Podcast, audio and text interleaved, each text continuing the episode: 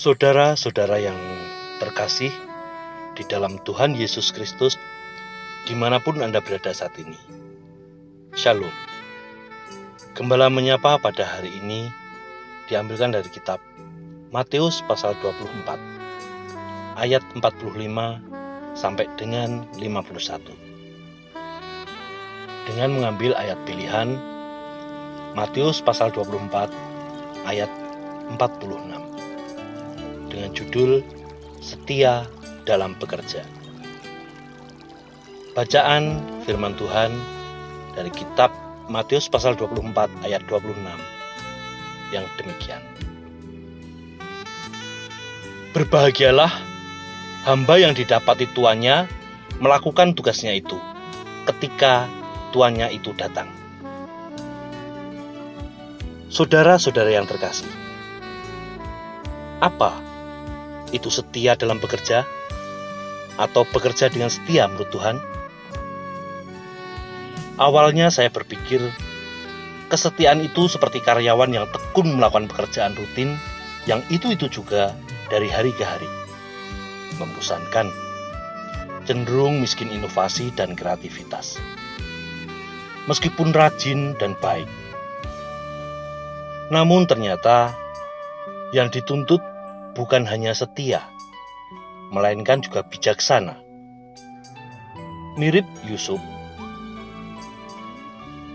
yang mengawali karirnya sebagai budak.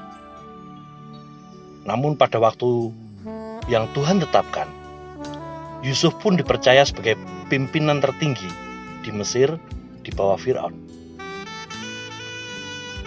Tujuan Yesus menceritakan perumpamaan tentang hamba di bagian ini adalah untuk mengingatkan agar kita bersiap akan kedatangannya.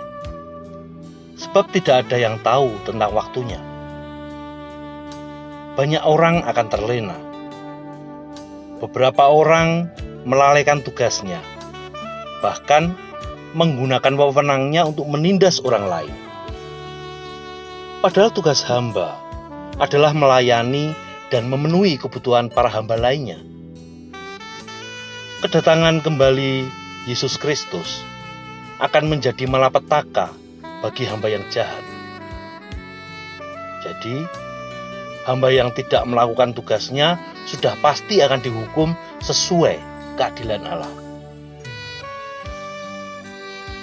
Saudara-saudara yang terkasih, untuk menjadi setia bukan perihal mengerjakan tugas rutin yang membosankan Inti kesetiaan adalah ketulusan hati yang dipenuhi rasa tanggung jawab dalam mengerjakan tugas sebaik-baiknya. Selain itu, orang yang setia tertuju kepada Allah sebagai Tuhan dan pengawasnya. Penghargaan, kehormatan, serta mahkota yang Tuhan sediakan hendaknya menjadi pemaju semangat bagi kita untuk menjaga kesetiaan kita sebagai hambanya. Tuhan Yesus memberkati.